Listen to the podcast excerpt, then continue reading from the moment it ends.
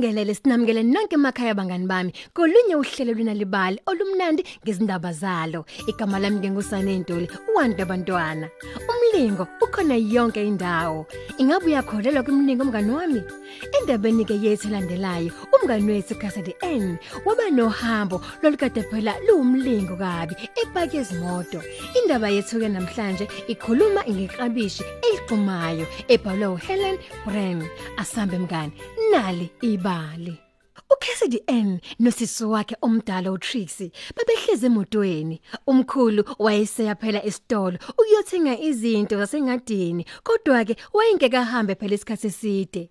Kokungekho lutho ephaka lezimoto ngaphandle nje kwaleli elinye icala lalikade lineloli enkulu ezitshalo kanti amadoda ezikhipha ezifaka etrolini yasesitolo umkhulu wayesedidekile nje ukuthi yini okumele ayithenge kusenjalo nje kwavele kwawiqabishe elolini laqhumela phansi Hayibo, uyibonile leyo nto Trix? Leli kabishi liwe lolini? habe manje pho ikabishi nje akunasimanga uCassidy N mngani wami wabuka phela elindele omunye ukuba mhlambe uzolicosha kodwa amadoda ayimatasa abazange nje balibone ngisho kulibona ukuthi alisekho. Iqabishi lalisigengqikela nje phansi lirola laze layofika phela ngakuye. uCassidy N lame eduze kwemoto iqabishi uCassidy N wavula umnyango kuba alicoshe uTrixie wayesethi wenzani? He, uTrixie wambuza phela phenqa incwadi ekade ifunda. Waqhubeka wathi, "Umkhulu uthe ahlala emotweni." uKZN wavala umnyango wahlala emotweni ikhathazekile ngeqabishi amadoda ayisebuyele emuva elolini Ngizobuya khona manje yezwa? washe vula umnyango futhi Ngisabuyisela ikabishi emuva.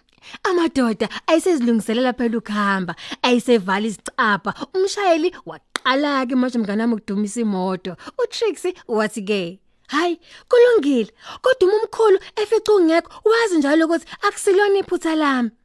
Ngakho ke uCassidy N waphuma emotweni wacosha iqabishi wagijimela lolini samshiya ke bandla isikhathi ngoba umshayeli akazange azambone umshayeli wayesayophuma esangweni uCassidy N wasala kanjalo ke emile ebhaki ephethe iqabishi Hayi, sengizokwenza njani manje? Phela kusilona lami leli kabishi kodwa angisakwazanga ulibuyisele emuva. Hawu, ngilishiyela emgwaqeni noma lihambise kugoga lipheke? Ayi angisazi. Kusenjalo iqabishi laqala ukunyakaza lanyakaza kanzima waze wahluleka nokulibamba uCassidy N lanyakaza laze lawe ezandleni zakhe laqhumela emoyeni habe uCassidy N wahamba nalo. Landizela phezulu umngane wami iqabishi layothi caba ba ehlahleni sikakota pheya Nangempela mngani wami laselehla futhi. Ngesikhathi uCassidy N ezama ukulibambisisa laphinda futhi lakhuphukela phezulu kulokho ke lalibheke phezulu yasesitolo phela sasengadini. Kwakumnandi lapha yana uCassidy N wayebona yonke into ngoba naye wayephezulu nekabishi lakhe. Wayebona abantu bakade bezothenga izitshalo intokazi eyihamba nezinja eduzana phela komfula. Wabona noTrex efunda incwadi emotweni. Kodwa ke futhi iklabishi laphinde laqhuma futhi. Lalinyakaza liyale liyele mngani wami. uCassidy N waphinda futhi wabambelela kulona ukuba alivimbe lingabe phela lisamphunyuka Uya manje.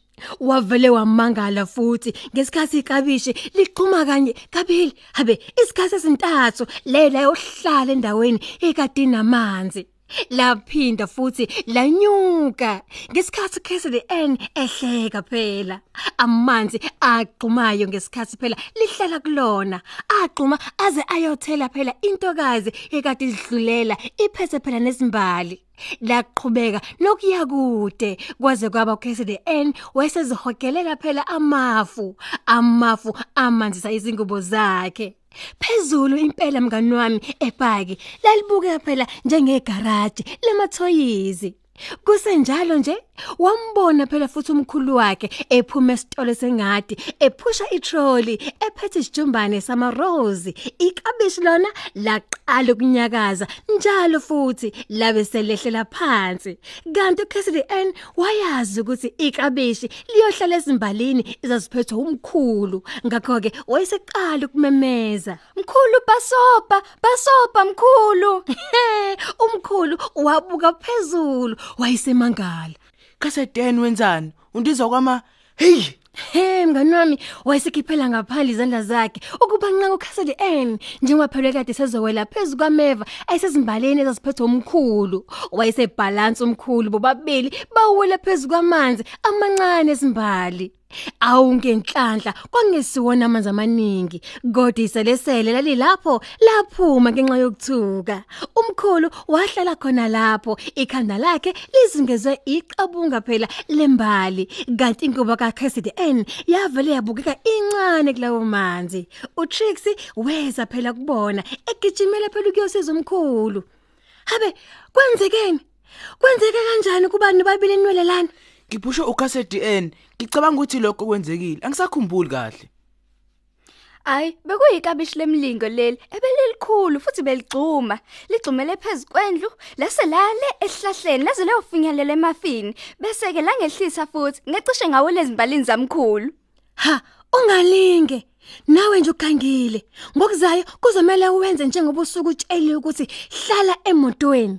He mngani wami uKZN N wayefuna phela ukubakhombisa ukuthi wayengazi qambeli nje istory emoyeni. Ngakho ke waqalaza phela ikabishi wabona ukuthi leselingasekho waselibona seliphezulu esibhakabhakeni leselibukeka phela njengenyoni. Inyoni ekhuluphele nje elihlaza yayikade igxuma gxuma phezulu emafwini Nalia, phezulu laphayana. Kodwa baqhubeka phela nokungamkholwa. Umkhulu yena wayethukuthele kabi. Waqala kodwa ukuhleka. Base behleka bonke ndawonye sebebheka endleleni eya ekhaya. Sesifike kupheleni kwendaba yethu namhlanje ebekhuluma ngeklabishi eliqumayo kanti ibhalwe uHelen Brain kwathi emoyeni didiyelwa ngusenzo wakahlela. Ubuwazi ukuthi ke ukufundela abantwana nokuxoxela abantwana bakho izindatshana ekhaya kuyabasiza ukuba babe ngabafundi abavelela esikoleni. Uma uthanda ukuza ezinye ngezindaba zethu ongasixoxela abantwana bakho ungavakashela kuma website yethu ku nalibali.mobi ngomakhala ekhukhwini wakho. Uzothola inqwaba izindatshana mahala ongathanda ukuzixoxa ngolimi lwakho. Uphinde uthola amasu okufunda nokuxoxela abantwana bakho izindaba inalibali ke walethe ekhaya amandla endaba. Ni sale kahle.